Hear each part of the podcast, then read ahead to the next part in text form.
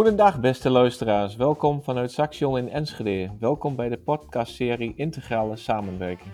Mijn naam is Jan-Willem Leidekker, jullie host gedurende deze podcast. Als docent-onderzoeker ben ik verbonden aan de opleiding fysiotherapie van Saxion en daarnaast werk ik onder de Twentse koers als regiocoördinator leefstijl en gezondheid voor de inwoners boven 18 jaar. Wanneer we breed naar gezondheid kijken, dan kijken we domeinoverstijgend. Dit betekent dat we naast vanuit zorg ook kijken naar het sociaal domein en hoe overkoepelend beleid georganiseerd is.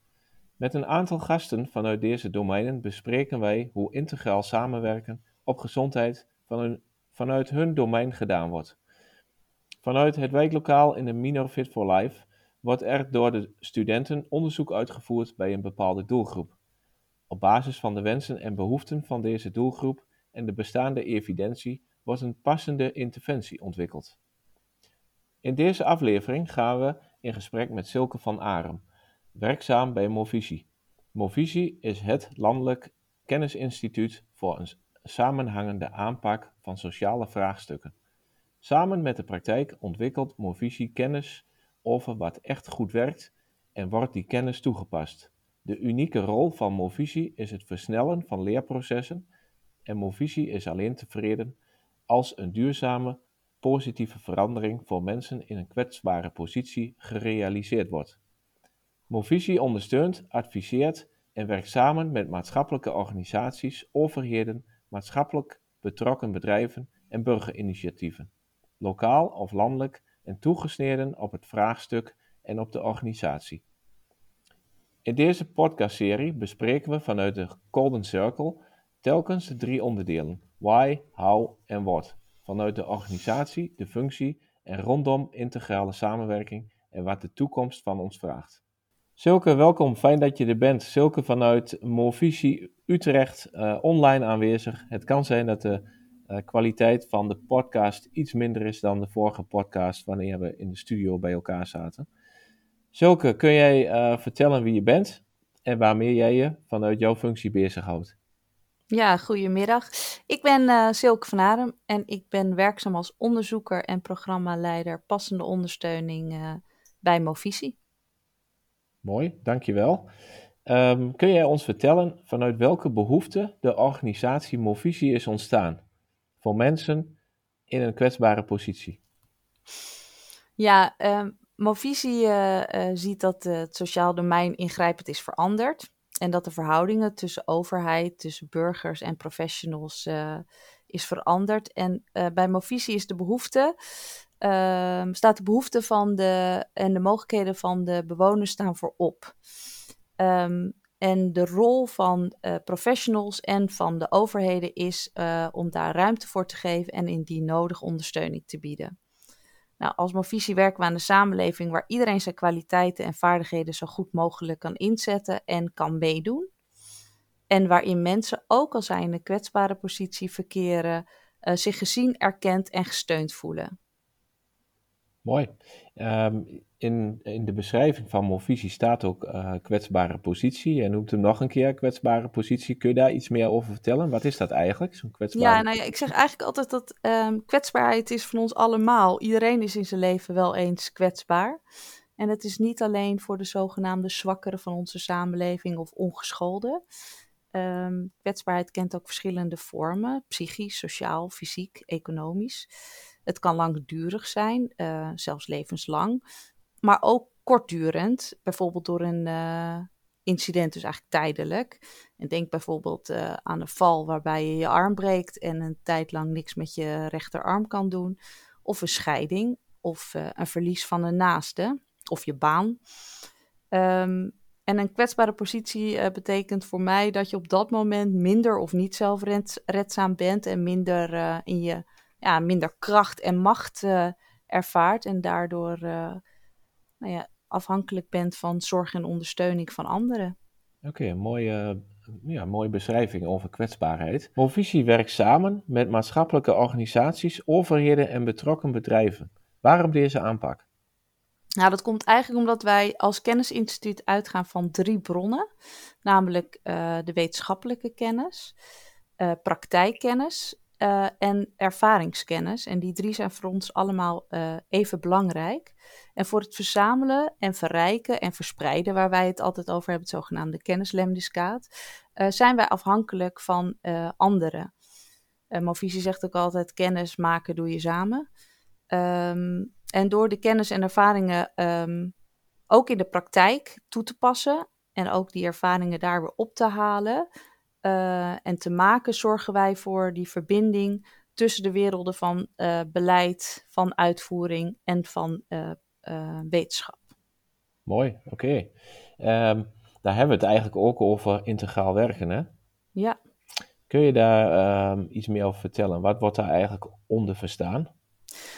Nou, integraal werk is natuurlijk een enorm groot begrip. En het betekent um, eigenlijk zoals wij hem gebruiken, dat je in samenhang en in afstemming domeinoverstijgend samenwerkt aan een effectieve en efficiënte zorg en ondersteuning in de wijk. Nou, dat is al meteen een mond vol. Maar het betekent dat de ondersteuning dichtbij is uh, en gericht is op preventie van problematiek of om verergering van problematiek te voorkomen.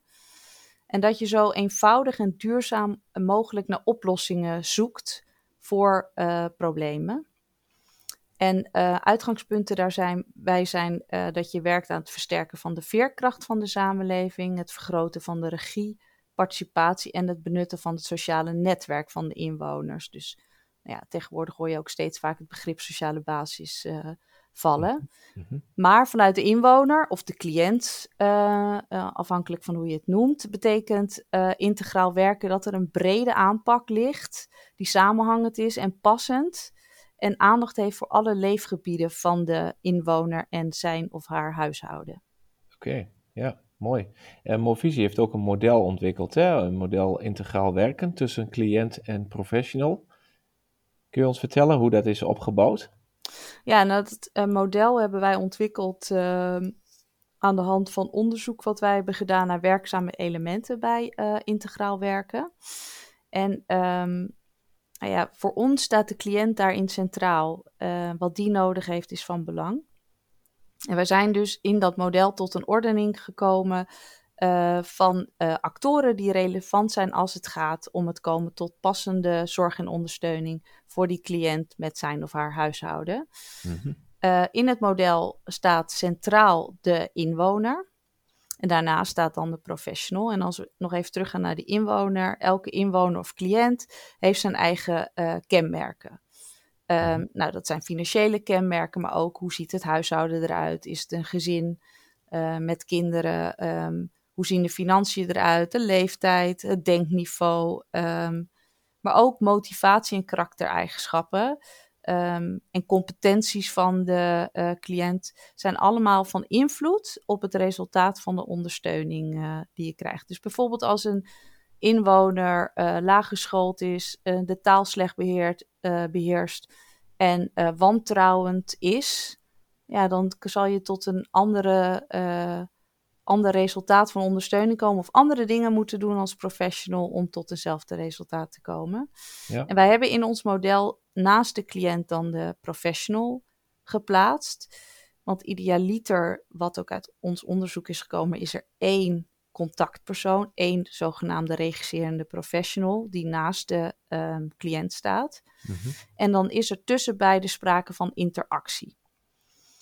Um, want samenwerken zij dan aan het re- realiseren van het beoogde resultaat. Dus er is een hulpvraag, een ondersteuningsvraag en je wil aan, naar een resultaat toe werken. Um, nou ja, interactie alleen is niet voldoende. Er moet eigenlijk sprake zijn van een alliantie tussen beiden. En in die alliantie gaat het om uh, een emotionele, menselijke relatie.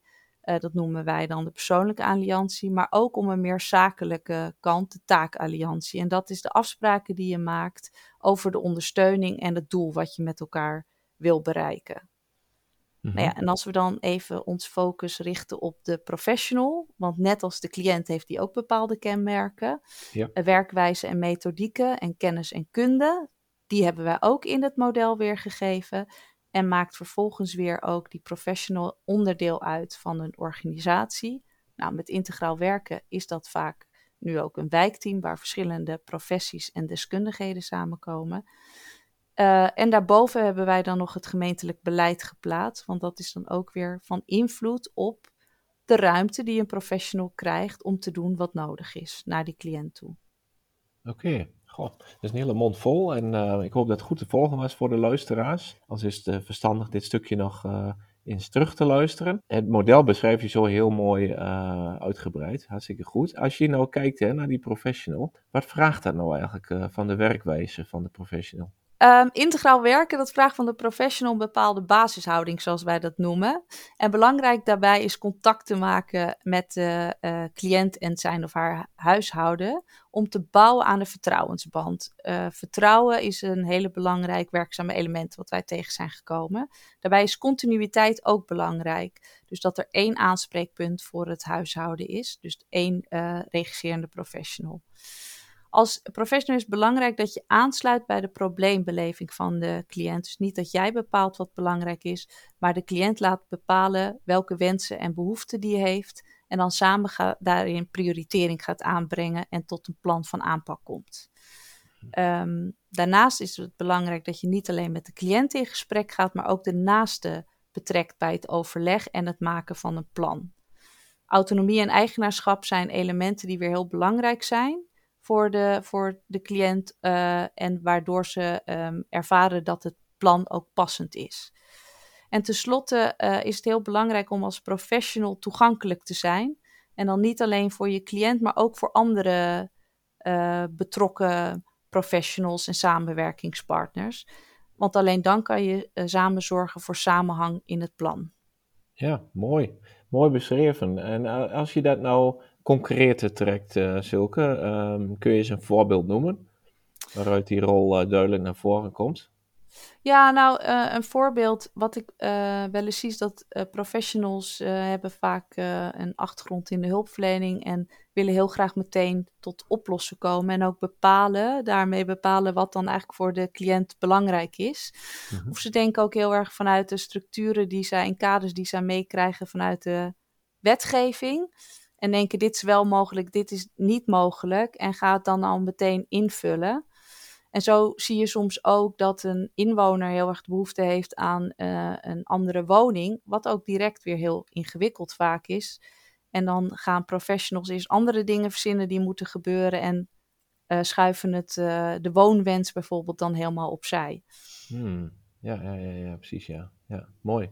Oké, okay. dus um, de, de, de professional moet meer op zijn eigen handen gaan zitten. Ja, zo noemen we dat wel eens. Meer luisteren, meer meedenken en de wensen en behoeften van de cliënt leidend laten zijn. En vervolgens gaan kijken wat er mogelijk is. Ja, ja, ja, ja. ja. Komt, het komt natuurlijk ook wel voor dat er vaak uh, zorg uh, aanwezig is. Hè? Dat, dat, dat, dat er zorg nodig is. Ja. Uh, want, want, nu praten we vanuit welzijn, hè? de welzijnswerker, uh, de sociaal werker. Ehm, hoe werkt het dan? En als je dan kijkt naar integraal werken? Ja, dat, dat is dat punt van um, dat je niet alleen toegankelijk moet zijn voor je cliënt, maar dus ook als er bijvoorbeeld een wijkverpleegkundige aanwezig is, dat je daar ook mee afstemt en dat je die uh, betrekt. Of als er bijvoorbeeld sprake is van speciaal onderwijs voor een kind uh, in het gezin, dat daar ook afstemming uh, mee plaatsvindt. Dus ik zeg ook eigenlijk altijd die regisserende professionals een soort spinnen in het web. Die allerlei verbindingen maakt en zorgt dat diegene dan de, het overzicht heeft en aanspreekpunt is. Ja, ja, oké. Okay. Oké, okay, als we kijken hè, naar, de, uh, naar deze werkwijze en naar de opdracht die de studenten hebben in het wijklokaal, uh, in de Minor Fit for Life. Um, waarin studenten dus werken samen met een doelgroep aan een bepaald vraagstuk. Kun je de studenten dan tips geven, wat, wat, dan handig is? Want vaak zijn ze gepositioneerd bij een uh, welzijnsorganisatie, sociaal werkenorganisatie. Uh, hoe, hoe kunnen studenten het beste daarmee aan de slag gaan? Ja, nou wat, wat ik nog veel zie is dat uh, gezondheid en welzijn uh, eigenlijk nog twee gescheiden werelden zijn. Ze, ze werken nu steeds meer samen, moet ook, hè? dat zei jij net zelf ook. Je, er is ook vaak sprake van uh, zorg. Maar er is nog daar veel winst te behalen door meer aandacht te schenken aan gedrag, aan leefstijl, aan preventie en aan de tijdige signaleren en doorverwijzen. En ik denk dus naast een um, persoonlijk individueel aanbod um, er ook veel meer een collectief um, wijkgerichte aanpak nodig is, zoals de studenten in het wijklokaal doen. Dus dat je veel meer vanuit de wijk gaat kijken, wat speelt hier in deze wijk, wat is veel voorkomende problematiek, welke partijen hebben daarin een rol of hebben daar ook uh, winst te behalen. Dus ik denk aan sportverenigingen, um, een wijkagent, uh, woningcorporaties. Uh, nou ja, heel divers. Dus het is goed om dat met elkaar in kaart te brengen. Um, het, het, ook voor de studenten om cijfers uh, in kaart te brengen. Je kan op allerlei websites kan je data vinden, wat er, um, hoe de samenlevingsopbouw is in een wijk, hoeveel ouderen er zijn, hoeveel WMO-aanvragen bijvoorbeeld zijn gedaan. En aan de mhm. hand van die cijfers, als je dan met elkaar in zo'n wijk gaat kijken met de partners, wat leeft hier en wat kunnen wij hierop organiseren, uh, dat je naar aanleiding daarvan tot een uh, aanbod kan komen. Ja, mooi. Dat sluit goed aan bij het wijkgezondheidsprofiel, waar studenten ook aan, werken, uh, naast dat zij een persona gaan omschrijven van de doelgroep waarmee zij iets gaan ontwikkelen. Ja, oké, mooi. Hey, uh, Silke, als we nou eens kijken naar uh, de drijfveren hè, van jou uh, om te werken voor Movisie. Eh, welke aspecten geven jou voldoening van jouw werk? Ja, kijk, ehm, het is misschien natuurlijk een beetje naïef, maar ik hoop met mijn werk toch de wereld een klein beetje mooier te maken. en wat ik heel waardevol vind aan het werk wat wij doen bij Movisie, is dat wij um, er is zoveel kennis. Uh, alleen die kennis, die landt natuurlijk, zoals we heel vaak zeggen, eigenlijk ook uh, gewoon weer in de la bij heel veel uh, overheden.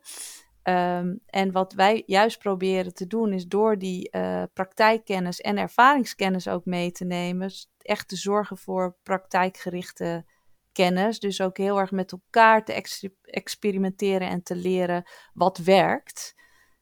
en dat is wel, ik, een drijfveer voor mij om voor Movisie uh, te werken. Dus hoe kunnen we uh, die inwoners zo ondersteunen, nou ja, dat de wereld ook wat rechtvaardiger wordt. Ja, mooi. Mooi. En um, heb jij een droom als je kijkt naar um, gezondheid en welzijn en integraal werken?